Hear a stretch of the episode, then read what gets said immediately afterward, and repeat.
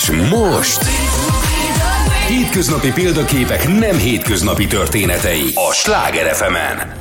Jó estét kívánok minden kedves rádióhallgatónak, és minket az Instagramon élőben nézőknek. Majdnem nem kezdtem el a rádióműsort, annyira beszélgetek ma esti vendégemmel. Az az érdekes helyzet állt elő, hogy az, aki ma itt ül velünk, egy olyan valaki, akinek a produktuma volt az, ami felhívta rá a figyelmet, és ez már nem kevés önmagában, viszont amikor készültem erre a vendégeskedésre, akkor egyértelműen rajongóvá váltam addigra, mire ideértem a rádióba, úgyhogy én azt gondolom, hogy ezzel a hallgatók is így lesznek. Azt szoktam mondani, hogy ezek a beszélgetések azért fantasztikusak, mert olyan magyar sikerutakat mutatnak meg, amelyek inspirálnak mindannyiunkat a hétköznapokban, amelyek utat mutatnak, és egy-egy olyan morzsát kaphatunk a képzeletbeli puttonyunkba, amit aztán életünk végéig vihetünk magunkkal, úgy hiszem, ma sok ilyen lesz. Szeretettel köszöntelek téged, Szakonyi Eszter, a Vintage Beauty alapító tulajdonosát. Szia!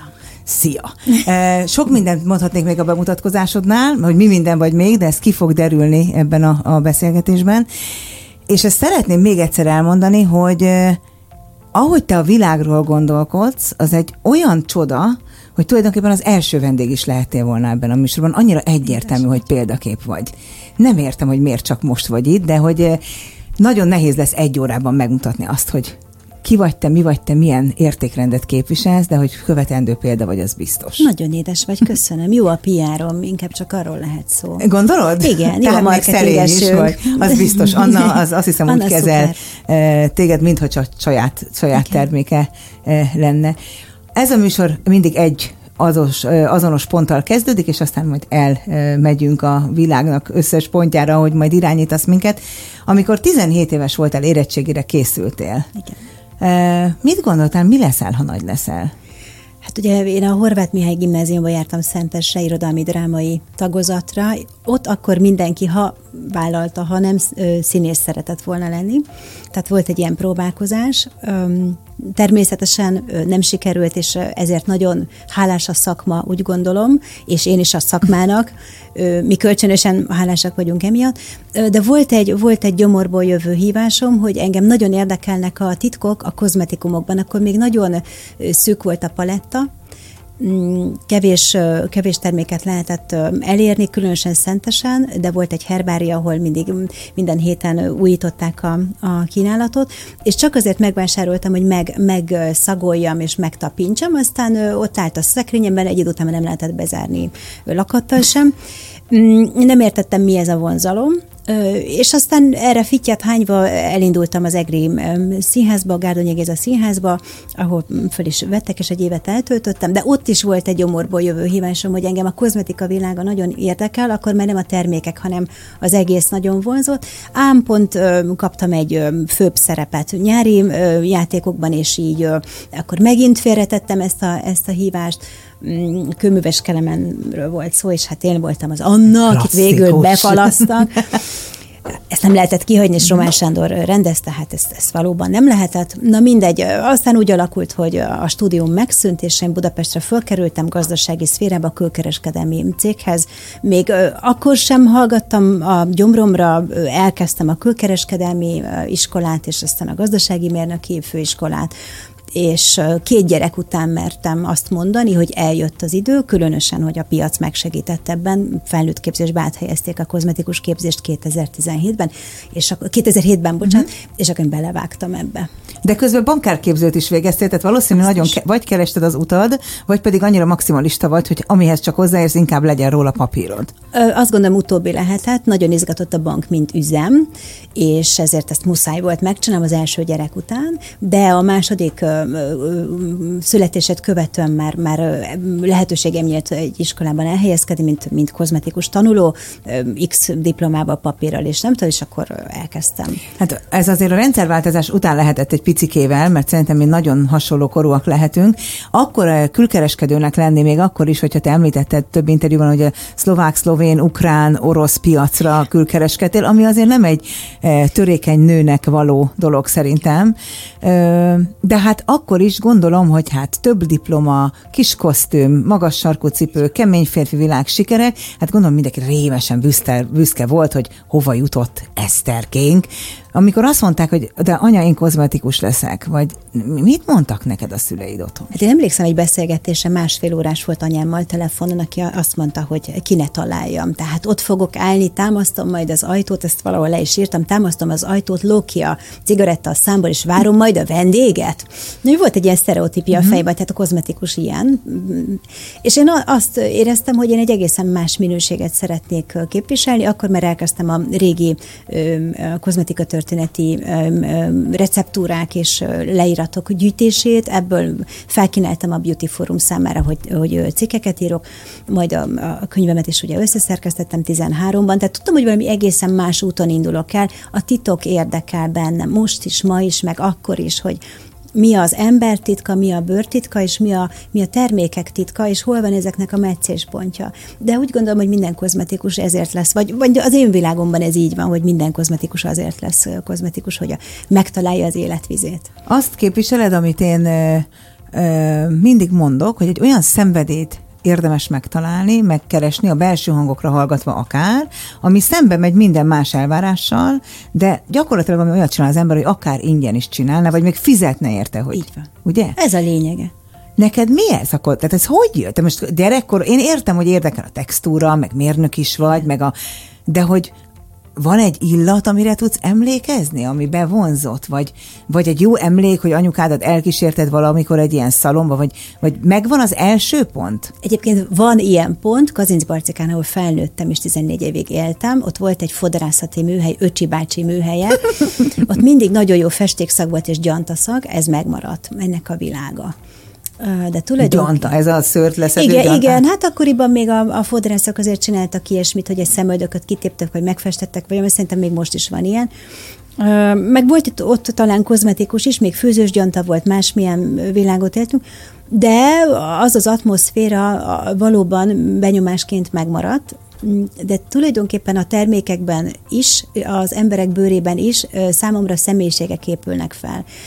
Nekem egy termék, az egy, ez egy személyiség, ugyanúgy, mint egy ember személyisége, karaktere van. Tehát, hogy milyen a konzisztenciája, milyen az illata, hmm. mire való, mit csinál, hogyan szárad, milyen gyorsan, kifolyik, nem folyik, mi a természete, különösen naturtermékeknél, ugye, amely piacon mi dolgozunk. Hát nem is akárhogy, mert egy olyan minősítéssel rendelkezel, ami a világon tulajdonképpen Magyarul, Magyarországon csak neked van, de hogy ez egy világstandard. Ez egy EcoCert Cosmos minősítés volt 2019-ig. Ott lezártuk, mert ki sem tudták Magyarországon mondani ezt a nevet. Én is kikerültem. és hamisították. Oh. Sajnos versenytársak használták az EcoCertnek a, a védjegyét, és azt gondoltam, hogy innentől között csak magunkat szórakoztatjuk ezzel a maximális szigorral, amit az EcoCert megkövetel, azzal az éves két audittal, ami, ami két napig tartott egyenként, és mindenünkbe belenéztek, tehát a könyveinkbe, a, a gyártóhely helységekbe, a, tényleg mindenhova és hatalmas energiabefektetés volt, nagyon sok embert kellett emiatt foglalkoztatni, és tulajdonképpen olyan magyarosan lenyúlták ezt az egészet, jeleztük az ekoszertnek, válaszra sem méltattak. Picik voltunk, kispiac, egy szemszereplő ebből az országból, akkor ott aktuálisan, nem voltunk fontosak. Mm. És azt gondoltam, hogy ha ez ennyire nem fontos senkinek, akkor nekünk sem fontos, nem ettől lesz jó valami, attól lesz jó, hogy valódit akarunk, vagy, vagy álságosat, és van-e bennünk gerinc, ami megtart, vagy nincs. Ez a két dolog volt, és azt gondoltam, hogy ez mind megvan, akkor nem kell minősítés, vagy nem kell ilyen jellegű minősítés. A Naturixhoz átkerültünk, amely egy ma- magyar védjegy, ugyanúgy szigorúan megvizsgálják a beltartalmat, nyilván nem kémcsőben, hanem papírok alapján, sajnos egyébként és, és ez alapján kapunk egy plecsni, de nem ez a fontos. Hmm. Hát szerintem neked a védjegyed a saját magaddal szemben támasztott standardekben rejlik. Igen. Hogy azért nem, nem tudnál a tükörbe nézni, hogyha nem. kicsalnád, elcsalnád, nem lenne benne, meg hát nyilván azért a vendégeid sem ragaszkodnának hozzád ennyire, hogyha ha nem lenne valami annyira tökéletes. Becsapnám őket. Egy szemétdög lennék, úgy érezném. Egy, e már elsőre is. Nem, nem megy drágább út, sokszor veszteséges, de nem, nem tudjuk másképp csinálni. Ezt igazolják vissza egyébként a nemzetközi díjak, amelyek nagyon, nagyon tőlünk függetlenül zajlanak, tehát nem is tudjuk, hogy ki a bírálóbizottság, azt se tudjuk, hogy hol bírálják. Van egy postacím, ahova el kell küldeni 6-8 mikor terméket, van egy beugró, nem magas összegek egyébként, és jön egy plecsni, vagy nem jön. Amikor látom a, a győztesek listáját, általában magyarokat nem látok rajta, akkor azért megdobban a szívem, és egy picit úgy érzem magam, mint az első, a dobogó első fokán a himnusz közben a mhm. sportolók, hogy a, akkor van egy olyan érintettsége az embernek, hogy hát valami nyomot hagytam. Na de ebből a plecsniből, amit csak itt plecsnek hívsz, van 30 darab. Hát most már közel 30 vagy 30, nem is tudom, nem számoljuk egy ideje, most megint versenyben vagyunk. Nem számoljuk egy ideje. Egyszer összeszámoltuk, és összejött a 30, és azóta egy 30 azunk, de hát most, hogy plusz-minusz fogalmam sincs. Most a Dutch Beauty Awards-on elindulunk, ami egy holland verseny, ugye, hogy nyitottunk holland szalont, így muszáj a helyi uh, piacot is megszólítani a helyi versenyekkel, illetve most egy, egy Scandinavian Beauty Awards-on szintén indultunk hat termékkel. Nagyon kíváncsi vagyok. Ez azért nagy dolog, nem, nem azért, mert mit csináljuk, hanem mert annyira kedvezőtlenek itt a piaci körülmények, tehát akár csomagolóanyag, akár alapanyagok tekintetében, szakembergárdáról nem is beszélve, mert nincs kozmetikai vegyészképzés Magyarországon. Tehát annyira mínuszból indulunk, hogy az, hogy mi ebben nyerhetünk, és aranyérmeket, ez hatalmas elismerés nekem, nekünk, a, a cégünk dolgozóinak, mm, a leg, legnagyobb visszaigazolás azt hiszem, hogy nem, nem vacak, amit csinálunk, de duplán kell oda tenni magunkat. De neked az egész életed erről szól, felnőtt életed, inkább így fogalmazom. Azt olvastam, hogy használtál ilyen terméket, olyan terméket, kipróbáltál ezt, azt, azt, és volt, ami tetszett, volt, ami nem, de nem találtál egy olyan terméket sem, amelyben lett volna legalább egy olyan termék, ami tökéletes a bőr szempontból. Tehát vagy, vagy valami hasonló, és akkor azt gondoltad, hogy te bizony meg fogod alkotni a tökéletes terméket. Minden kozmetikus akar saját márkát, Igen. viszont csak nagyon kevés indul neki és csinálja meg, mert majd mit szól más, meg majd holnap, meg nincs idő, meg várom a megfelelő időpontot, tehát a halogatásnak tökéletes. Félelmek. Meg, a rettegés, igen. A félelmek. De le kell győzni, de most ez, ez, ez lózunk, nem így mondom. Be kell vállalni azt, amit pont a Rangos Katéknál mondtam, hogy nincs alattad védőháló, most is csak ezt tudom mondani, hogy kell egy kockázat tűrő képesség, ez vagy van, vagy nincs, picit hangolható, de kell, hogy legyen egyfajta vagabundság az ember, vagy vagányság az élettel szemben, hogy hát lesz, ami lesz, hiszek magamban. Elhiszem azt, hogyha ez, ez pofára esés lesz, akkor is föl tudok állni, leporolom a gatyámat, megyünk tovább, mindannyian, mm, ezt el kell hinned magadról. Ez nem önhitség, természetesen a külvilág annak tekinti sokszor, azt mondja, hogy nagy képű vagy. Milyen egyszerű ezt így lefordítani. Hát, Sokat hiszel magadról, miközben csak azt tudod, hogy bármi jön, megállod a helyedet. Ez, ez a fajta hit magadban, meg ez a bizalom magaddal szemben, úgy gondolom alanyi jogon járna egyébként. Ha az embernek olyan társa van, mint például neked is, erről is nyíltan beszélsz, vagy akár én is elmondhatom magamról, ezt, hogy egy végül is a védőháló kicsit én nekem például az enyém, mert azt gondolom, hogy oké, okay, pofára esem, biztos, hogy fölállok, de nagy baj nem történhet, mert azért ott van ő, és valami csak lesz. Hogy benned van ilyen, hogy, hogy a társad is nagyban segít abban, hogy ezt a fajta... Hogyne. Hogyne, hogyne, hát ő fantasztikus, ő tényleg a másik felem, és egészen összenőttünk, most már húsz éve vagyunk lassacskán együtt, és egész, egészen össze, össze indásodtunk, nem, nem is tudom már nélküle, tényleg olyan, mint a levegő. Annyira magától értetőd, hogy ott van, mm. meg magától értetőd, hogy egyet gondolunk dolgokról, és ha nem, akkor azt is megfogalmazzuk, tisztelettel a másik iránt. Szerintem az elején nem volt ez ennyire, ennyire erős ez a kohézió. Szépen a gyerekek összegyúrtak, hát persze, hogy nem volt, hát négy hónap, ja, ismertük egymást, amikor összeházasodtunk. És azt mondtad, Igen. hogy egy hónapra ja, voltatok együtt, amikor már babát vártál, de hogy ti ezt megbeszéltétek. Há, hogy ne? Sőt, már egy hét után megbeszéltük, és a csalódottan ő, konstatáltam, hogy az első alkalom után ez nem jött össze, és hát úgy gondoltam, hogy ez nekünk egy nehéz pálya lesz, hát vágjunk bele. És hát egy hónappal a megismerkedésünk után így hát akkor terhes lettem, amikor is a férjemnek pont volt egy ilyen vonatkozó műtétje, amit hát abszolválni kellett, és hát úgy tűnt, hogy hát szegénynek lesz ezzel gondja, hogy a gyereket csináljon, és éppen feküdt a kórházi ágyon kifeszítve altatásban, amikor én így megjelenítettem a két vonalas tesztet, ez nagyon vicces pillanat volt, és mondtam, hogy papácska, akkor lepapácska, hogy bármi is történik, azért ez már beakadt, most már itt meg, meg vagyunk ezzel a dologgal, de hát utána még három másik is jött, úgyhogy összesen négy gyermeket. Igen, itt minden e- egyes interjútban az, aki kérdez téged, megjegyzi, hogy felháborít, hogy négy gyerek után ilyen fantasztikusan nézel ki. Vagy. Igazságtalan az élet. Édes vagy, köszönöm. A négy gyerek szempontjából is nagyon érdekes az, és majd aztán még a termékről és az üzletről tényleg nagyon sokat szeretnék veled beszélni, mert ezt a műsort jelesül olyan karrierépítők hallgatják, akik abban hisznek, hogy kiszolgáltatottság nélkül függetlenül szimplán abból, hogy tudásunkat fejlesztjük, lehet karriert építeni, és még ha ez nem is könnyű, meg talán kicsit rögösebb is kis hazánkban, mint normálisan, én hiszek abban, hogy az ilyen történetekkel, mint a tiéd is, lehet ezt támogatni. De hogy ha már a négy gyereket említettük, és a, a férjedet, muszáj megemlíteni, hogy egy éve, kicsivel több, mint egy éve, összepakoltátok magatokat, és elmentetek Hollandiába élni, és ehhez hoztam egy idézetet tőled, amit nagyon nem szoktam itt csinálni, de de hogy ezt én valahol ki fogom tacepauzni az irodámban, annyira, annyira közel áll hozzám, ez így hangzik.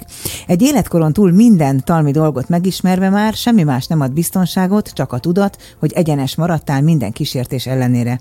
Magyarországon ez balegságnak tűnik, innen nézve elfűség, vagyis elvek, amiken keresztül magadat definiálod, és téged a világ. Ha ezek nincsenek, te sem vagy. Ez ilyen egyszerű. Máskülönben az egyre fogyó teljesítmény alapú társadalmakban ez a kvalitás alap, milyen jó, hogy Hollandiát választottuk, ahogyan az is, hogy a szorgalom és a tanulás vezethet valahova, és ezt semmilyen körülmények között nem lehet kiváltani dörgölőzéssel, simulással, ügyeskedéssel. E, végtelenül bátor dolog, hogy az ember, így sokan vagyunk, akik ezt hasonlóan érezzük. Igen. Sokan vannak, akik percenként mondják, hogy kéne innen menni, mert itt már nem lehet megmaradni, de csak nagyon kevesen mernek lépni. És ehhez kapcsolódó nem olvasom, ezt sokkal uh, nyugat-európai értékrendről is írsz, nagyon, azt is ki fogom majd tacepaúzni, hogy a hosszú táv és a rövid táv kapcsolata és az egyén és a társadalom kapcsolata, az is egy nagyon fontos gondolatod. És aztán tényleg, hogy befejezem a kérdést, az alapgondolat az volt, hogy a gyerekeim nem akarom, hogy ilyen helyen, nem akarom, hogy megkeseredettek legyenek, azt szeretnéd, ha szabadon tudnának dönteni a saját életüket, hogy ez ennyire erős volt bennetek a hétköznapokban? Igen, meguntuk azt, hogy minden viszonylagos. Attól függ. És nem akartuk, hogy ezt tanulják meg, hogy attól függ. Mitől? Hogy kivel vagy jóban? Kinek a kie vagy? Ne függjön attól, függjön attól, hogy mit teljesítesz, mit teszel bele, mennyi energiát, mennyire teszed oda magad, függjön attól, és ma itt ez nem tapasztalható. Ez könnyebbség is, tehát sokkal könnyebb A-ból B-be eljutni ezzel a viszonylagossággal. Csak hogyha te tudod, hogy végigjártad a magad útját, és, és független ember maradhattál ezáltal, akkor, akkor fenntartod a jogot, hogy a gyerekek is független emberekként nőhessenek fel, és dönthessenek majd a saját életükről és a kötelezettségeikről függetlenül mindenkitől, és ne legyen az viszonylagos.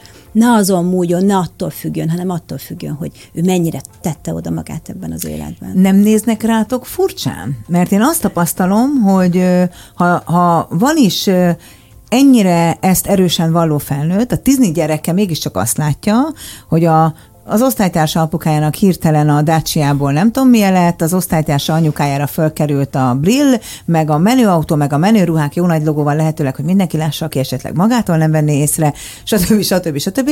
És nem érti azt, hogy hülye vagy, hogy nem csinálod hát nekik már mennyi van, miközben nekünk nincs, miért kell ennyi dolgozni?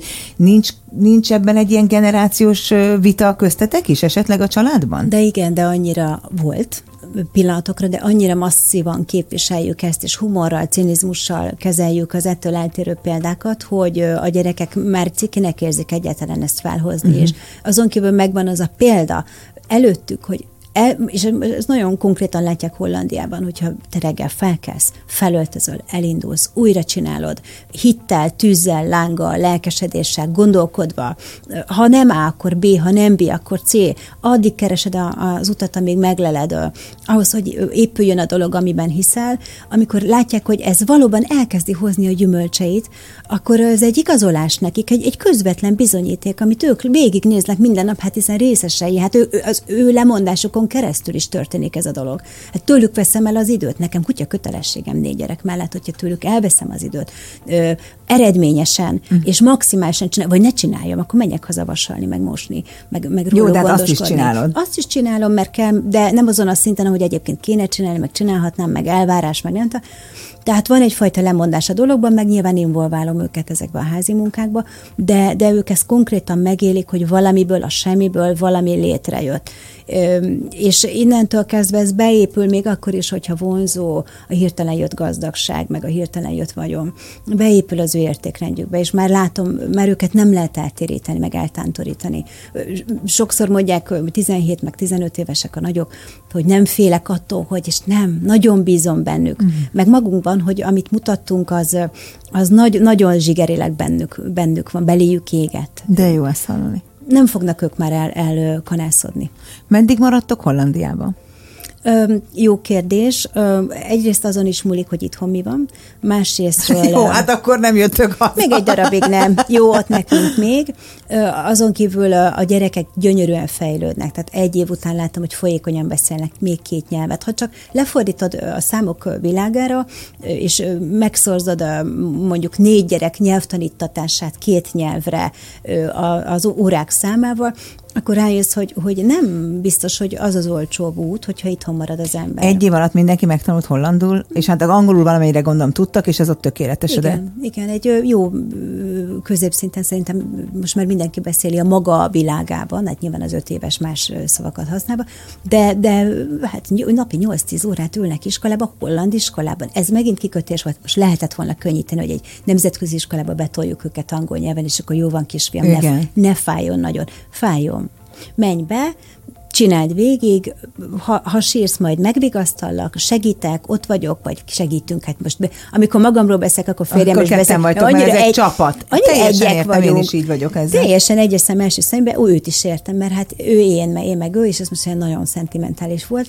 Ö, de, tehát... de az ő én, te, én meg ő, az, itt azért elmondom, hogy aki, aki még inkább akar mélyebben hallgatni erről, neki van egy Holland Fickó nevű YouTube csatornája, hát az is nagyon magvas, és azt is én, én szívből javaslom, hogyha bárki eddig valami gondolati rokonságot érzett mindazzal, amit mondtál, akkor hallgassa őt is, mert egészen fantasztikus. Igen. Ő nagyon tiszta ember, rendkívül tiszta és optimista ember, és végtelenül elf, elfhű ember szintén E- eszeveszettül erős gerincel, nagyon jó értékrendel, és hihetetlen humánus gondolkodással, vagy humanista gondolkodással, eltántoríthatatlanul, utolsó sejtjéig fogja azt képviselni, amiben mert makacs is közben, olyan nyakas, hogy, hogy ettől nem lehet, néha tényleg őrületbe visz ezzel már, hogy nem, nem szabad, nem illik, nem való, a másiknak az fájni fog meg, hogy esik meg, nem tudom, és néha úgy vagyok, hogy hát csodába az egésszel, de igaza van, neki van igaza. Tehát én szerintem hamarabb elhajlanék bizonyos szituációkban, nem teszem,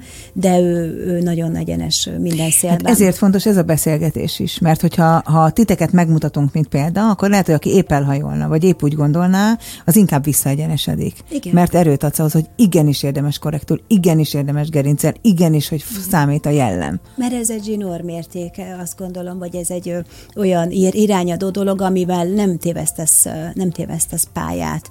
Ez a, nem lennék játéka mindenféle szélnek, ez, ez ránk abszolút igaz, és így, így könnyű egyébként előre haladni. Tehát, hogyha irányt módosítanánk percről percre, mert az érdekeink úgy kívánják, vagy éppen jött egy vonzó lehetőség, akkor azt hiszem, hogy idő után összezavarodnánk, hogy akkor most mi a fontos, meg, és akkor mi van a többivel, és akkor hogyan hangoljuk össze az egészet. Így egy kotta szerint játszva ez, ez nekünk, hmm. nekünk játék, tehát hogy mi ezt humorral éljük meg, és nagyon lazán. Mm, egy, egy, egyfajta egyfajta, egyfajta könnyedséggel az üzletet is, meg a mindennapok vitelét is. Röhögünk egész nap. Tehát végig röhögjük a napokat. Milyen érdekes ez a zene, hogy a, most nekem meg az jutott eszem, hogy a király nem leszek, nem leszek, Igen, akkor inkább ez elmegyek. Is van. ez is van. Itt hova jártak a gyerekek? Itt rendes iskolába jártak? Magániskolába jártak, mert itt is próbáltuk az alternatívákat megtalálni az állami képzéssel szemben. Folyamatosan a humánum hiánya volt, ami arcul ütött bennünket a tanárok részéről, a szülőtársak részéről. Is Ö, már magániskolában is, tehát amikor, ö, na mindegy, nem is megyek bele ezekbe a példákba, hogy, hogy a gyerekeket a pszichológus gyakorlatilag kihallgatta, és föl, följegyezte, amiket butaságokat mondtak, azok meg tényleg az ostobaságokat tolták magukból humorral, mert hogy nálunk tényleg minden erről szól. Ó, és akkor kaptak magukra És biztos szembesítést kaptunk, oh. hogy persze, hogy ezt jelenteni kéne a gyámügynek, meg nem magániskolában, hogy a gyerekeknek egy melltartó, melltartója? Toltartója van, melltartó. Freud, hello! És Freud, igen. Me- meg, hogy, meg, hogy magukra voltak hagyva egész téli szünetben, és maguknak főztek hat évesen. Po- poén volt az egész és, és elénk tettek egy jegyzőkönyvet. Milyen szakember az, aki ezt elhiszi? Magániska. Na de most ezt reggelig tudom neked ezeket a példákat Én sorolni, most hoztam a gyerekemet egy magániskából, és egy alapítványi gimnáziumban Welcome. jár, úgyhogy Welcome. szerintem Welcome, és akkor elvittük végül egy remek intézmény, egy MOA a neve, fantasztikus volt. Nem rajtuk múlt ez a dolog, hogy onnan kivettük őket, mert összeszedtük őket egy autóba, és azt mondtuk, hogy akkor irány Hollandia. Azért irányítottam erre ezt a beszélgetést, mert Hollandiában viszont nem az derült ki, hogy problémás, meg ADHD-s, meg koncentrációzavaros, meg a nem tudom mi mindent mondtak rá itthon, hanem azt, hogy kiemelkedő intelligenciával rendelkezik, és azonnal bekerült egy olyan helyre, ahova csak a legjobbak kerülhetnek. Igen. Mikor ezt olvastam, ledöbbentem a szavaidon. Képzeld el, elküldték őket egy IQ tesztre, hogy beiskolázzák, hogy mégis hát itt van két migráns gyerek, mi legyen a tényleg, további. Hát mi migránsok is migránsok vagytok, vagyunk, hát persze. És a high level szintet elérték, hát én nem, nem jutottam szóhoz. Angolul folyt, folyt a teszt, és a legmenőbb gimibe bekerültek a, a Wolfert College-ba, úgyhogy most oda járnak nagy erővel, és... Boldogan, büszkén. Boldogan, büszkén napi négy-öt órákat tanulnak örömmel. Tehát úgy kell már le, leszedni őket a szerről, hogy akkor menjél, erígy fiam aludni, éjjel kettőkor. Itthon meg nem voltak nagyon szorgalmasak, nem? Hát Kriszta, az a helyzet, hogy, hogy egy spirálfüzetet használtak el a nyolc év alatt, és most ezt így, ahogy mondom, így ért. Ja, lehet, hogy én akkor eljövök hozzátok egy hotelba lakni egy pár évre, hogy a Gyere. kisfiam egy kicsit így. Két hét kellett hozzá, és a tanárok megszerettették a tanulást velük. Nem tudom, hogy csinál, fogalmam sincs, hogy csináltak, és amikor az első szülőértekezlet volt, felsorolták, hogy mit nem tudnak a gyerekek, gyakorlatilag írni, olvasni nem tudtak, olyan szinten voltak, a magániskola uh-huh. ellenére. Tudtak, de nem azon a szinten. Persze. Nem szerették, írásgörcsük volt, mit tudom, micsoda. És azt mondták, hogy de anyuka, apuka, ezzel nem kell foglalkozni, ez a mi dolgunk, azért vagyunk tanárok, mi ezt megoldjuk. Kettő hét alatt oldották meg, fogalmam sincs hogyan. Nem győzöm a füzeteket vásárolni számukra, Elképesztő. imádnak tanulni, imádják az egész közeget, a tanárok jó fejek, erre született emberek, akik ezt örömmel csinálják, a társadalom nagyon megbecsült tagjai, jól fizetett tagjai. Elmondhatatlan a különbség. Most nem az, hogy ingyenes az oktatás, nem ez a fontos, meg nem az ingyenes laptop, meg nem az ingyenes könyv és füzet, nem, egyébként ingyenes, minden szinten ingyenes. De nem ez a lényeg. Mi itthon is megfizettük, kifizettük. Persze. Nem ez volt a fontos, hanem hogy, hogy szeressék meg a fejlődés érzését, legyenek egy közösségnek tagjai, hogy ne alázzák meg őket, ne legyenek igazságtalanságok, vagy, vagy elvtelenségek velük szemben. Vegyék figyelembe, hogy gyerekek tiszteljék bennük a gyereket, azt is, amit tudnak ezáltal, meg azt is, amit nem tudnak ezáltal. Most az a pont van, hogy elrepült az első fél óránk, úgyhogy mi mindjárt beszélgetünk tovább, de a rádióhallgatók ö, híreket, időjárásjelentést és közlekedési híreket fognak hallgatni egy kicsit. Például van hír értelmezési óra? Ez milyen fantasztikus Bár tantárgy. ne, va, ott is van, de általános iskolában is van. A 11 éves, aki ott most hatodikos, a hírértelmezési órája van, vitakultúra órája van, és most még valamit mondott a Gabesz, hogy behoztak még valamit, amitől leesett a mandibulám, hogy még milyen van. De minden héten van kulturális program kötelezően, ö, ahova viszik ingyen a gyerekeket színházba, ö, mit tudom én, ö, állatkertbe, ö, fő- főzni tanítják őket, tehát most jött egy szakácsnéni, ott ül a elitiskolában egyébként, tehát ott tényleg jaj, jaj, nagyon mindenki holland, és, és ott ül, ülnek az aulában, és főzni tanul 500 gyerek. Ö, és mindenki megkapja a kis köténykéjét, meg a nem tudom és pucolják a zöldséget, ö, sütik a süteményt, Pont- most a héten ez volt a téma. Nem érzékeltetik velük, hogy ők migránsok? Nem, biztos ö, elképzelhető, hogy van otthon a szülők között megjegyzés, és ott lemagyaroznak bennünket. Van ilyen? Van, de ne, nem, nem, nem az arcodba mondják. Ha igen, sosem bántva. Tehát volt már olyan, megkérdezték, hogy de miért pont ebbe az országba kellett jönnötök? Az nagyon, nagyon rossz volt. Pedig nem megélhetési bevándorló vagy. Hát végképp nem. Végképp. Sőt, azt a baromságot csináljuk, hogy, hogy amit itt megkeresünk Magyarországon, azt ott költjük el. Hát ilyen hülyeséget senki nem csinál. Hát ezt fordítva szokták mert nem akarunk semmit elvenni ettől az országtól, tehát le is adózzuk természetesen a cég után, a saját jövedelmünk után, stb. És onnan sem akarunk semmit elvenni. Hiszen pontosan tudjátok, hogy itt is az oktatásba, igen. a gyerekekbe, a kultúrába, és a minden igen. egyébbe. Igen, igen, és ha hazajövünk, akkor a csapágyat azonnal cserélni kell, igen. Igen, csak azért, mert végigjöttünk a, a alkotásúton. Mindenetek megmaradt itthon, és ott is van mindenből még egy, vagy itt felszámoltatok már mindent? Semmit nem tudtunk felszámolni, semmit nem tudtunk eladni, pont az a piaci helyzet volt, amikor be, földbe állt az ingatlanpiac, tehát most ki van adva, le van zárva, egy-két lakást eladtunk. De a szalon üzemel? Abszolút. Abszolút. Itt hagytam az Annáékra az egészet. Most tizenhányan vannak. Ott azért volt egy megborulás, ma már másképp csinálnám. Pont a Gyurkó szívével beszéltünk erről, hogy, hogy hogy kellett volna, mert ő meg azt csinálta, és ugye egy évre lelépett, és hívott egy kulcsot. Azt kellett volna csinálni. Aha. Felkészíteni a bandát.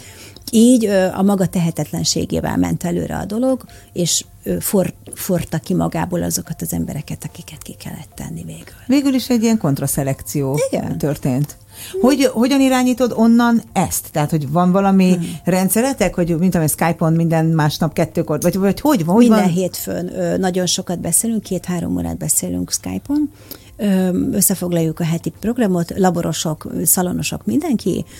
És a, a, a szalonban a római partnál. Igen. Van egy labor Újpesten. Így van. Így van, 250 négyzetméter elég nagy, ott szintén vannak tizenhányan. Megvan már az a 100 kilós Kence keverőgép? Most, most 21-én, most nem tudom, hogy van, nem tudom, volt a próbagyártása végre. Mert az egy mérföldkő, hogy az neked meg lett. Hát, fú. Mióta? 40 millió forint.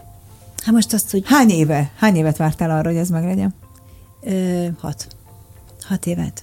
Hat ez egész nem régi, tehát hogy azt számolgattam, Igen. hogy ez az egész 15 éves körülbelül, amióta te egy mérnök nincs annyi, köz, nincs annyi 12. Sem.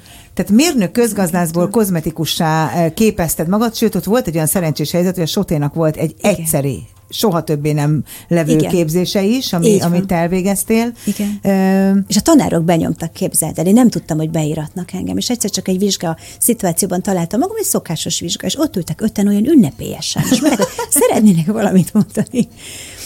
És mondták, hogy hát most indul, még nem járhatnék, kussoljak. Azt mondták, kussolj, menj oda, ülj be az utolsó sorba, nem mondd, hogy még nincs meg a kozmetikus végzettséget, majd beviszed és beirattak, és akkor elkezdtem szombaton, vagy péntek szombatonként oda járni, mert mindenki mester hát volt feltételezhetően az az elhivatottság, az a, a szakma hát szerelem, az az alázat, ami ebben van benned, az, az szerintem őket is lenyűgözhet. Szerintem a kozmetika történeti gyűjteményemmel megvettem őket. Minden, minden órára vittem egy újabb relikviát, hogy akkor ezt most a szlo, mit, milyen szlovák hagyatékból kaptam postán, meg mikor De mi. tényleg ennyire csak? Tehát, hogy e, család és ez? Igen. Igen, nincs Tehát más. valószínűleg a szabadidődben is ezzel foglalkozol. Mit kenhetett magára Sziszi királynő? Igen. Mi? Igen, és hogy miért? Mi volt abban? És, és hogy annak mi a mai leképzése. De hogy tényleg csinálsz ilyen, hogy Karádi Katalin mit használhatod? Hát most speciál Karádi Katit nem de tudom. lenne de, pedig.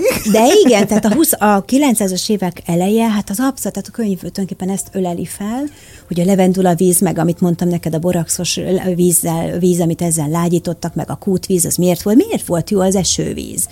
És hát ezek olyan kérdésekben nem, vagy voltak, hát most már nem. Mit csináltak egy pszoriázissal? Mit csináltak egy ekcémával? Mit csinált a röngen? Bejöttek a röngensugarak, tehát a történelmi koroknak a leképzése is ezért tetten érhető. A villanyosítás Budapesten 900-as évek elején, hogy miért lehetett az, hogy az egyik úriasszonynak volt már kurblis massz, önmasszáló készüléke, a másiknak meg még nem lehetett, mert még hátra járt a folyosóra pisilni petróleummal. Nagyon érdekes kortörténeti leíratok ezek tulajdonképpen, nem beszélve a nyelvezetéről, az arhaikus magyar nyelvezetről, ami meg hát bőbe áll. Hát, szóval. hát de akit ez érdekel, a blogodban van egy fül erre, ott egy rész, Igen. amikor hát egyébként olyan dolgokat is kísérlet, dolgokkal is kísérleteztek kozmetika, ami sokkoló, Igen. amit ott olvastam, a, a szülés utáni mélepény, meg csirke, nem tudom mi, tehát hogy így... Hát Koreában most is tudsz placentás krémet rendelni, csak mondom. Itthon tiltott, és én rendeltem. Jó, hát szarvasmarha placentájából van, de van. És Most akkor ilyenkor van. azért rendeled, hogy megnézd, Igen. vagy hogy kikísérletezd? Vagy hát, hogy az mi? Hát csíp, szúr, büdös, érzem, ragad. Volt egy mesterem, mai napig mesteremnek mondom, Bátori Kati, aranykoszorús mester, mm. ő például rendszeresen megkóstolta a krémeket. Azt mondta, hogy kis nemecsek, ez én voltam, Jaj. hogyha a szájpadlásodra fölragad a nyelved, akkor van benne parafin, meg ilyenek. Hogyha, hogyha édes, akkor tudod, hogy van benne nedvesség, megkötöm, általában azok ilyen szaharit féleségek nagyon gyakran, és azoknak édes ízük van, tehát elhihetjük, hogy ez víz És a te termékeidnek az a cél, hogy ezek ne legyenek benne, csak az, ami feltétlenül hasznos, és benne van, és nem allergetizál, és nem, nem tudom micsoda, Hát ö, olyan vagy, mint egy régi korok ö, jó boszorkája. Ö, igen, de azért az megsegít benne, bennünket az a döntés, hogy nem szeretnénk az egész világon jelen lenni, és hosszú disztribúciós utakat végig szolgálni, mert akkor nagyobb be kéne tartósítani a termékeket, és az mind a hatóanyag oh. kárára menne. Tehát az, hogy a termelő és a fogyasztó között nincsen senki, csak önnöm magunk, az lehetővé de teszi, hogy minél több hatóanyaggal lássuk el a terméket, és bírjon egy évet. Most gondolod, hogyha mit a szaudi térségben szeretnénk károsítani, hát akkor az egy évet mire kiér, már megromlott. Nem beszél arról, hogy még hány környezeti Hát ott is kell egy labor, ahol kutyultok. És Jó, Isten mentsen. És előállítotok. Isten mentsen, hát azért meg, meg vannak a határaink, vagy korlátaink. De például az úgy nem működhet, és csak biznisz szempontból, hogy, hogy valaki jó pénzért megvásárolhatja a receptet úgy, hogy ő garantálja mindenféle jogi keretekben. Most nekem ezt abba kell hagyni, mert össze kell kapcsolódnunk a rádióhallgatókkal, csak belefeledkeztem. Egyébként ezt vesszük éppen? Igen. Ja, ja, jó, mert én most úgy beszéltem, hogy nem. És most... Hétköznapi példaképek nem hétköznapi történetei a Sláger fm -en.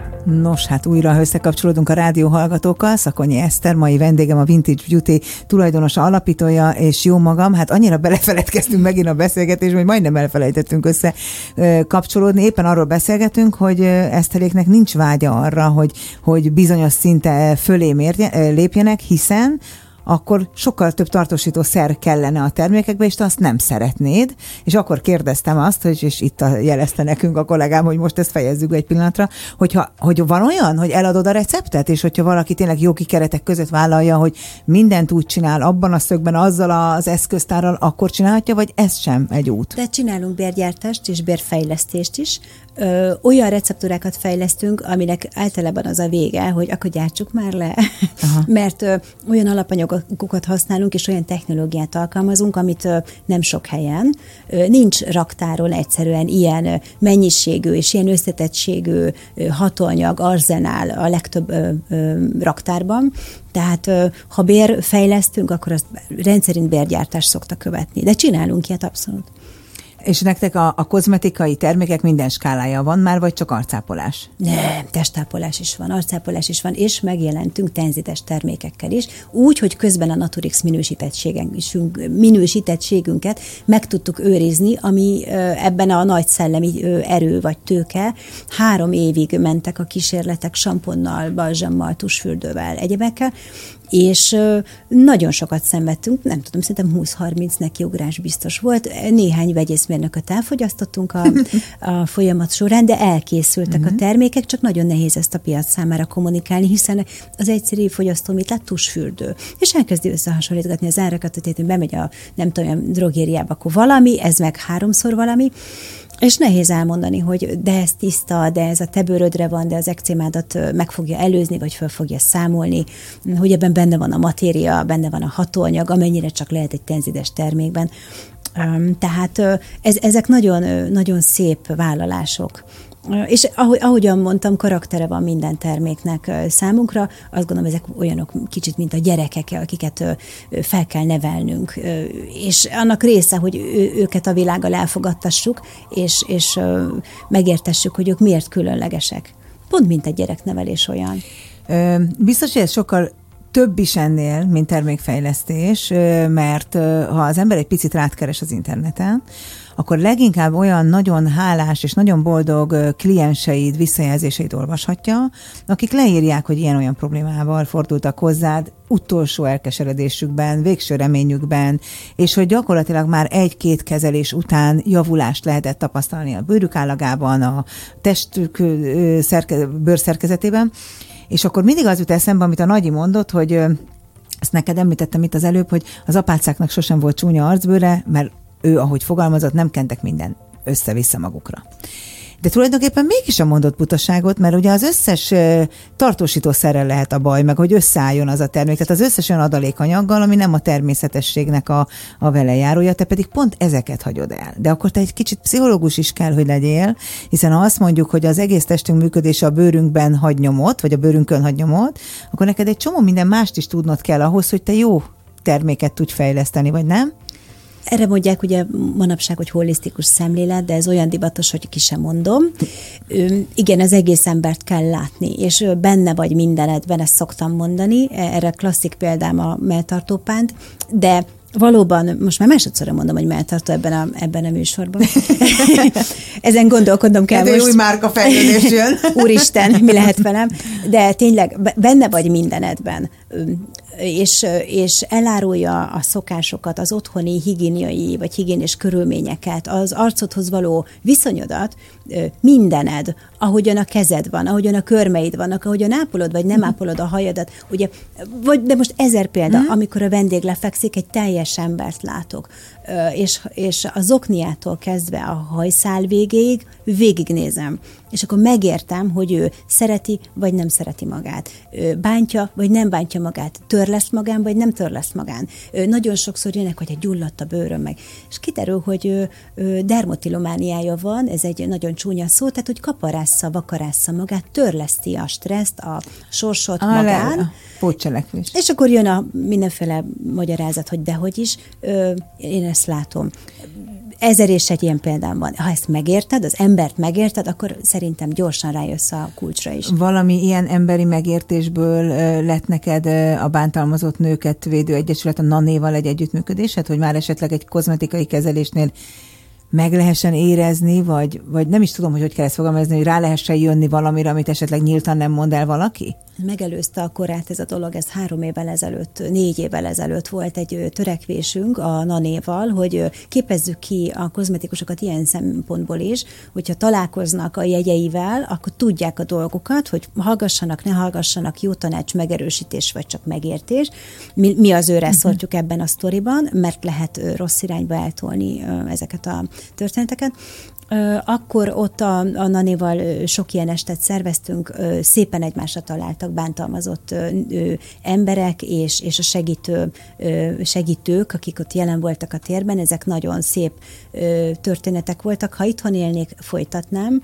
Most, hogy Hollandiában vagyunk, nehéz ezeket az esteket folytatni, nagyon hiánypótlak voltak, és jöttek kozmetikusok is. Egyébként kezdeményeztük akkor, hogy a tananyagba kerüljön be két órában. Persze. Nem többet, kettőben. Kettő tehát kétszer 60 nem percben sikerült. nem sikerült, akkor én kaptam egy kokit a fejemre fentről, hogy az, az a levél jött fontos embertől, hogy a vendég ne dumáljon, a, a, a kozmetikus pedig ne pszichologizáljon, hanem kezeljen. Majd a saját iskoládban, a saját módszertanoddal egyszer majd úgy Igen, oktat. azt hiszem része lesz. Része lesz. Ez a segítés eleve a személyiséged része, tehát hogy az, együtt dolgozol a Nanéval, a Hintalóvannal, a Csodalámpa Alapítványnak is segítettél már. Csupa-csupa olyan szervezet, akik egyenként is egyébként tényleg csodák, és az ő elszántságuk és elhivatottságuk is említésre méltó, többük volt már itt vendég, de hogy honnan jön neked ez a segíteni vágyás, vagy hogy ez ennyire természetes az életetekben? Azt gondolom, hogy a gyerekkor benne van, benne van az is, ami, ami követte ezt, a fiatal felnőttkor és annak a, a külkereskedelmi munkájával járó utazgatások során látott nyomor, és emberi esendőség és kiszolgáltatottság élménye mindig ott volt bennem, hogy mit lehet ilyenkor tenni. Nyomorult helyzeteket láttam, vasúti vagoniparban voltunk, Hú, abban dolgoztunk, nagyon szexi, és Romániát, Ukrajnát, Szerbiát jártuk végig. A nyomor minden formájával találkoztam, és nem, nem tudtam, illetve akkor kénytelen voltam szó nélkül hagyni, csak szívtam magamba, mint a szivacs, és, és elhatároztam, hogy amint, amint lehetőségem adódik, sőt, a lehetőségeimet ennek mentén gyűröm magam alá, Tehát, hogy azért csinálom, hogy egyszer jussak el abba a helyzetbe, hogy én, én, tevékenyen részt vettek egy ilyen dologban. Ilyen volt a gyermekbántalmazások kérdése is, és ezeknek a szervezeteknek a, a felkarolás, ugye a Hintalóban is így került képbe, de a Betesda kórház most a legnagyobb szerelmünk, és hát éppen a Heimpák kórházzal kívánunk szerződni, vagy ők velünk, vagy mi egymással, úgyhogy ez most éppen folyamatban van egy, egy eset kapcsán, na mindegy szemébe kell nézni valakinek, és akkor nem tudod nem csinálni azt, és amikor tudod, hogy tudod, ott van... hányan tudják? Nagyon sokan tudják. Tehát, hogy én magam is egy ilyen nagyon segít, engem is neveltek, mm. tehát, hogy nem is emlékszem olyanra, az nagymamámnak kosztosai volt, tehát mindig-mindig segített. De hogy ez nem standard hanem ilyen furamalon, és tudod, mit kérdeznek? Miért? Mi az érdeked ebben? Mi, az érdeked? Mi neked a jó ebben? Jó, Istenem. Nem hiszem, hogy te ezzel nem köszi, találkozol. Jaj, de hogy nem köszi a megerősítést. Ez a legnagyobb bajom, hogy mindig gyanúsak voltunk, de mindig gyanúsak voltunk, de miért csinálunk? Biztos, mert nekünk jó. Hát nekünk aztán marha jó. Hát jó, mert segíteni jó. Mert jó, de hát ennyit ebben Mert kimerül. egyébként meg kell is, és kötelező is lenne mindenkinek, de hogy igen, tehát hogy a férjed mondta ebben az ő blogjában, hogy Magyarországon azt büszkén mondjuk, hogy a magyar ember olyan, hogy elő, előtte mész be a forgóajtón, de ő már amikor kimentek elő, vagy hogy is van, utána mész be a forgalmat, de elét kerül, és hogy ez egy büszkeség, Igen. hogy lenyomunk. Hát miközben ez pont az az élet, ahogy nem kell élni, meg nem akarunk élni. Na ez ugyanilyen, hogy de miért segít? Biztos az ő érdeke. Igen. Leuralni a másikat, legyőzni. Amikor hazajövünk, hát most az utakról nem beszél, hogy ki hogyan győzi le, én mindig azt érzem, hogy ezek pótcselekvések, az emberek alapvetően nem tudnak győzni, képtelenek győzni, mert ahhoz, hogy győz először adni kell, először nagyvonulónak kell lenni, és az már önmagában győzelem, és utána talán nem is fontos, hogy ténylegesen elsőként érsz ki a forgóajtóból, vagy utolsóként, tök mindegy. És ez evidencia abban a világban, ahol most mi élünk, itt Magyarországon pedig, pedig gyanús, hogyha valaki így gondolkodik. Ez nagyon, nagyon fájt nekünk, még most is fáj, azt hiszem, hogy ennyire nem értettek bennünket az emberek. Végig azon gondolkodtam, miközben a beszélgetünk, hogy te egy ilyen igazi nagyon jó, ha valaki ismer, tudja, hogy ez a legpozitívabb dolog, hogy egy ilyen igazi amerikai üzlet ö, ö, menetet viszel a fejedben. Tökéletes legyen, maximalista vagy, van ügyfélszolgálat, de közben munka, munka, munka dolgozni, és azt várod el másoktól is, amit magadtól. Magadra ismertél? Ma, na, abszolút. De hogy viszont én emiatt nagyon gyakran kapok bántást, hogy te nem kapsz bántást, hogy törtető, hogy csak a munka számít, hogy lelketlen. Szelftelen, hogy... könyörtelen, számító. Ó, hát ha így csolod ezeket a Ó, szavakat, akkor na, te is kapod. Igen, igen. Nem bánt? A meg nem értettség az bánt um, az nagyon bánt. És az, hogy ö, nem hisznek nekem. Tehát amikor én megdicsérek valakit, nagyon ritka állítólag, sokkal többet kellene, vagy azt mondom, hogy szeretem, jó, amit csinál, elismerem, ez jó volt, ez nekem olyan méről jön, mint egy szerelmi vallomás. És amikor szkeptikusan néznek ez halván is a, a dolgozók mondjuk rám, és azt mondják, hogy jó, biztos csak azért mondod, mert az borzasztóan tud fájni, ennyire nem, nem értenek, ennyire nem, nem látnak, ennyire nem látnak. És akkor meg hogy fogalmazzam magamnak, hogy aki lát, az, az a, a férjem, meg én magamat, meg esetleg a gyerekek néha pillanatokra, és fogadjuk el, meg az Anna, az én drága marketingesem, és akkor most lehet, hogy még néhány embert kihagytam a sorba, akiktől elnézést, de nagyon kevesen látnak, és talán már nem is fontos. Ugye egy idő után az ember megérkezik annyira a saját világába és helyére, hogy aki nem, nem fontos. akkor inkább nem. Az cserejátékos lesz az életünkben, és slussz. Ő veszik többet, úgy érzem. Én pont ezt érzem, hogy az, a, a, jó, a teremtő, a jó ég, a sorsunk, ki mm-hmm. miben hisz, Igen. azért adott ilyen társat, hogy ezt együtt könnyebb elviselni. Valahogy én mindig ebbe kapaszkodom. Igen, biztos, hogy nem véletlenül kaptuk őket, és biztos, hogy ö, pokora kellett előtte menni, hogy ilyen jó társakat kapjuk. ö, és megérdemeltük, és, és akkor jó tanulók voltunk Istenke előtt, vagy nem tudom ki előtt, de hogy kétségtelenül kevesen látják az embert valójában, és el kell fogadni, hogy, hogy ez így van. Tudod, van ez a mondás, hogyha 40-es éveid után nem gyűlölöd zsigerileg az emberiséget, akkor sosem szeretted igazán. Ezt néha elmondom Ó, de magam. jó, ezt majd idézem tőled, ez fantasztikus. Ezt időnként elmondom magamnak, amikor nagyon tele van a húcipőm, vagy egy újabb ilyen szembesüléssel kell magam szembe találni, hogy, hogy tulajdonképpen azt feltételezik rólam mindazt, ami nem vagyok, és nem látják a valódi célokat. És hogy amikor, persze, amikor kérdezik, hogy de mindez miért fontos, az értékteremtésért fontos, a valódiságért, meg a hasznosságért. Mindig elmondom, olyan úcska szó, hogy hasznosnak lenni. De, hogy, de az a legfontosabb dolog. De közben meg igen, hogy mi a csodáért is születtél, akkor tulajdonképpen abszolút. miért eszel, miért iszol, miért ürítesz, miért vagy a világon, miért szívod a levegőt, van benne. Egyébként ez lehet, hogy egy ilyen teljesítménykényszeres gondolkodás, ami még a mi 70-es években született generációnkat erősen sújtja, hogy hát fiam, hogyha nem csinál semmit, lustálkodsz, Hát én is ehhez értek, a csináláshoz, vagy. a haladáshoz. Uh-huh. Lépjünk egyről a kettőre, ne ücsörög, ne lustálkodj. Na, hát igen. Mert az szánalmas és ostoba dolog a lustálkodás, ezt tanultuk, és most uh, kezdem megtanulni, hogy ja nem, azért lehet az. De hogy lustálkodsz? Hogy pihensz? Tudsz pihenni? Nem, egyébként nem. Éjszaka alszom, az van, meg néha... Éjszaka alszom, hánytól hányig alszom? Egyébként éjféltől mondjuk hatig, mert Jó, hát akkor szendvicset kell csinálni. Nem viszel. Nem, és napközben van, hogy lefekszem egy órácskára aludni, pörgök, pörgök, pörgök, és azt mondom, hogy gyerekeim, hogy most slusz, most egy, egy óra az enyém, bocs, ez az én időm és az feltölt, és akkor megint lehet pörögni éjfélig. Rotterdamban is nyitottál egy szalont, nem 250 négyzetmétert, mint az itteni, de nem kicsi, mert azért én megnéztem a neten, gyönyörű, X. X, száz. Egy gyönyörűség, a, a, a kirakat és az összes díjjal, a kirakatban, és aztán azt mondtad valahol, hogy hát igen, kiraktátok ezt a sok-sok díjat, de senkit nem érdekel. Senkit nem. Azt nem tudják identifikálni a dolgot, hogy mi ez. Ugye egészen más a, ott a, a szépségszalonok dolga, másképpen járnak az emberek, illetve nem járnak. A hajuk és a körmük fontos, a bőrük nem fontos, pedig nagyon kellene és meg, megtanítjuk őket egy új kultúrára. A kultúrának egy új szeletére, mert nekem a kultúra nem csak az, hogy ismered a Csehovot, hanem az is, hogy mennyire vagy igényes magaddal, a ruházatodra, a bőrödre, a lakásodra, mindenedre, mert ez az európai ság nekem, ez az európai kultúra nekem, a kulturáltság, a, a, a, a kultúrlét. Abszolút. Aha. És ezt a gyerekeknek is mindig mondom, annyi vagy, amennyit beleteszel, annyi vagy, amennyit megelégszel, az rajtad múlik, hogy te mennyi vagy. Mi, mi mennyit ér hogy, mi, hogy fontos-e vagy nem fontos, ez, ez csak, csak rajtad áll, és téged minősít. Téged minősít. Igenis ragrendbe a szobádat, igenis. És hát most a hollandoknak meg kell tanítani, hogy az, hogy rozáciád van, és hát jó, hát piroskás, az nem oké, meg hát arra már van, van megoldás, és nagyon egyszerű éle, életformabéli változások, vagy életmódbéli változtatásokkal ezt ö, könnyedén át, át lehet hidalni, oh. és légiesen. Ha, ha ért, érted a bört, de, de ő nekik ugye az van, hogy hogy elmennek a bőrgyógyászhoz, föltöltetik a szájukat, meg az arcukat, meg a botoxat be, és akkor rendben vannak, és a napvédőn már odaig eljutottak. De hogy egyébként... Ezek szerint ebből a szempontból ők visszamaradottak hozzánk képest. Hát ők azt mondták, hogy húsz évvel. Oh.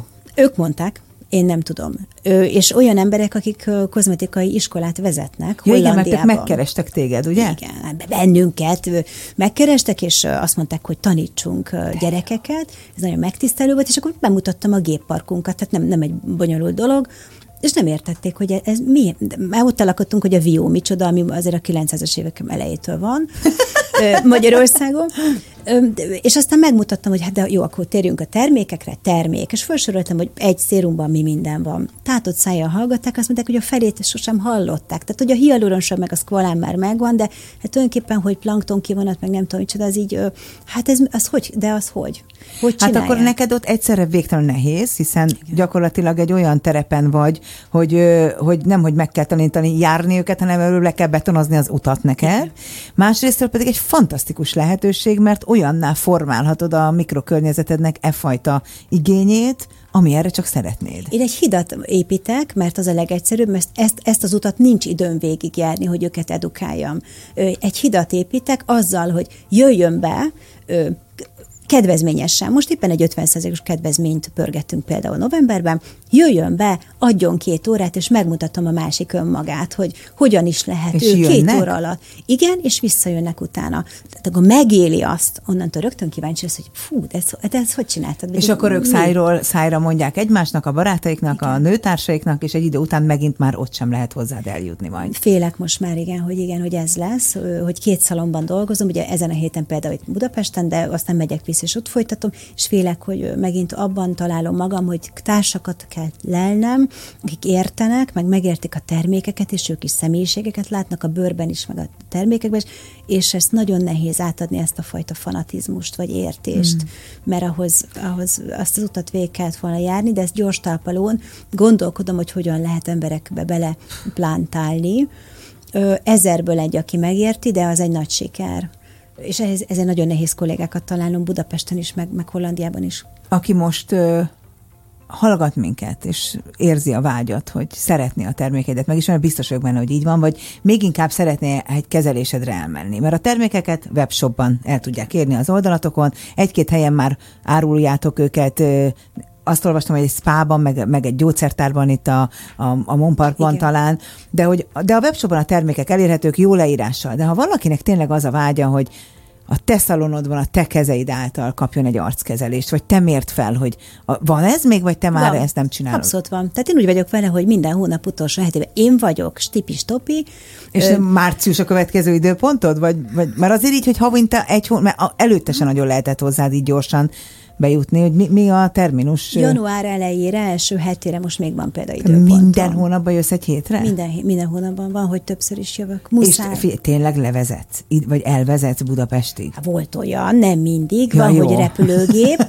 Mikor, hogy? Persze. Abszolút. De azért, mert az európai repülőállapotok pokoliak? Vagy egyébként más oka van annak, hogy autóval közlekedsz néha? Igen, emiatt, de már nem pokoliak, most kiderült. Kezd megoldódni a helyzet, úgyhogy lehet, hogy visszatérünk a repülős akcióra, de akkor nem tudunk termékeket hozni, vinni. Ugye ez is egy ah. érv, hogy hát most már ott is van egy, egy kis istállunk, és ugye azt is meg kell etetni az ottani kis élőlényeket, és szóval, hogy vinnünk kell, na hát. Azért ez a nemzetköziség nem könnyű, nem olyan nagyon könnyű, viszont az, hogy te mindent magadnak találsz ki, magadnak fejlesztesz, magadnak találod ki a logisztikát, azért ez egy igen nagy kihívás. Hát most már azért nagyon jó tímünk van a laborban, akikkel tudunk együtt gondolkodni, értenek, meg. Azt gondolom, hogy most van nagyon, nagyon jó négy-öt-hat emberünk a laborban, aki, aki érti, amiről beszélünk, és hogyha azt mondom, hogy kicsit ilyen, kicsit olyan tegyél hozzá, vegyél el, nem tudom, akkor meg tudja csinálni, és lehet, hogy nem három lépésben, hanem ötben, viszont tökéletes lesz a végeredmény. És ugyanarra gondoljuk, hogy tökéletes. Hogyha ő azt mondja, hogy én már úgy látom, hogy ez tökéletes, akkor nagy valószínűsége már én is úgy fogom látni. És ez azt jelenti, hogy megértettük egymást, hogy uh-huh. kinek mi a fontos. Ő megértette, hogy látod eljutni, én meg, nekem meg sikerült megértetnem vele, hogy nekem mi volt a fontos. Egyre inkább közelítünk ehhez a ponthoz, így hát egyre könnyebbek a fejlesztések is. Mindig van új termék a fejedben? Persze. Sose lesz vége. Éppen, hát hogy ne? Segíteni, ez fontos, hogy új igény van, most például a rozácia kapcsán ugye egy, egy korrektort kezdtünk el fejleszteni, akkor látom a hollandok bőrét, elkezdtünk egy Winen Winter krémet csinálni, ami ilyen csodakrém fölkeni magára, és gyakorlatilag mint egy páncél megvédi őt. Ja, mert ott furcsa az időjárás, ugye? Hát Tehát egyszerre esik, minden van. Aha. Fölfelé esik, de közben fúj, miközben a napocska meg Azt szereti a bőrünk, igen. Minden, minden van egyszerre, és én meg is értem őket, hogy, hogy, hogy nem tudják kiválasztani a mhm. kínálatból, hogy hát ez ellen mit lehet tenni a disznózsíron kívül? Oh. és ezért elkezdtünk egy krémet, ami fedés, ápolés, UV-szűrős, és mit tudom én, érfal erősítő, de közben nyugtató, és közben táp... Na mindegy. Tehát, hogy a piaci igények, és ezért nagyon fontosak, hogy a kezelések megmaradjanak, mert mindig ez alapján mérem fel, hogy mire van szüksége a piacnak, nagyon változó. Olyan, mintha egy napot 35 órából állnak körülbelül, annyi mindent csinálsz. Tehát oké, okay, nem pihensz, mert pihenés közben is ezzel foglalkozol, mert annyira szereted. Alszol 6 órát, de van négy gyereket, főzni kell nekik, ezt, ezt gondolom, mert hát egy négy gyerek mindig éhes, tehát legalább egyszer egy este otthon esznek, gondolom. Minden nap otthon esznek, délben és Minden este. nap főzöl? Hát Hollandiában nincs menza. Nincs menza, nincs büfé sem az iskolában. Tehát, amit csomagol a mama reggel, azt eszik, majd háromkor hazajönnek nagyon éhesen, hát hiszen kamaszok. mi van ebédre? Mi van ebédre? Ö, és amikor, igen, amikor azt mondom, hogy semmi, és azt mondják, hogy semmi baj, az a legrosszabb, az úgy fáj, mintha tört forgatnának a szívemben, akkor azonnal földobok egy valamit, mert van, hogy elmennek a megbeszélések délelőtt, és akkor nem tudom. Na mindegy, szóval, hogy ebédet kell, és vacsorát is kell főzni, de kézzel, lábbal ezt meg lehet oldani, nem probléma, tehát a fülemre szorított Így telefonnal. Pont képzellek, hogy kevered a rántást, de közben telefonálsz, így és van. nem tudom, a lábad a közben valami termékfejlesztésen vagy éppen. És közben így van, Ez pontosan így van. De meg lehet csinálni, a toleranciája a környezetnek, meg a, meg a kollégáknak nagyon fontos. Tehát, hogy bocs, bocs, de viseljék el, hogy közben edénycsörgés lesz, miközben egyeztetjük, hogy mi legyen az új matóanyaggal, és a, honnan szerzünk nem tudom, faktort. Most éppen ezen birkozunk, mindegy. Tehát, hogy ez, ez részükről nagy toleranciát igényel, de szerintem ez az egy év arra szolgált az elmúlt egy év, hogy kitisztuljon a rendszer, menjen el az a cégtől, aki ezt nem bírja, meg, meg kézi uh-huh. vezérléshez van szokva, és maradjon az, aki, aki tud olyan önállóan gondolkodni, és mérlegelni, és priorizálni, hogy, hogy, hogy képes ebben a rendszerben tovább működni. Szerintem már tulajdonképpen ilyen emberek vannak a cégnél. Tipikusan az az ember vagy számomra, akire az első gondolatom az, hogy ó, Istenem, ha ő nem ide születik, hm. hanem mondjuk a tengeren túl, mi, mi lehetne belőle. Közben a második rögtön az, hogy hála jó Istennek, hogy ide született, mert a mi hírnevünket öregbíti. De édes vagy. Fantasztikus. Legyen úgy.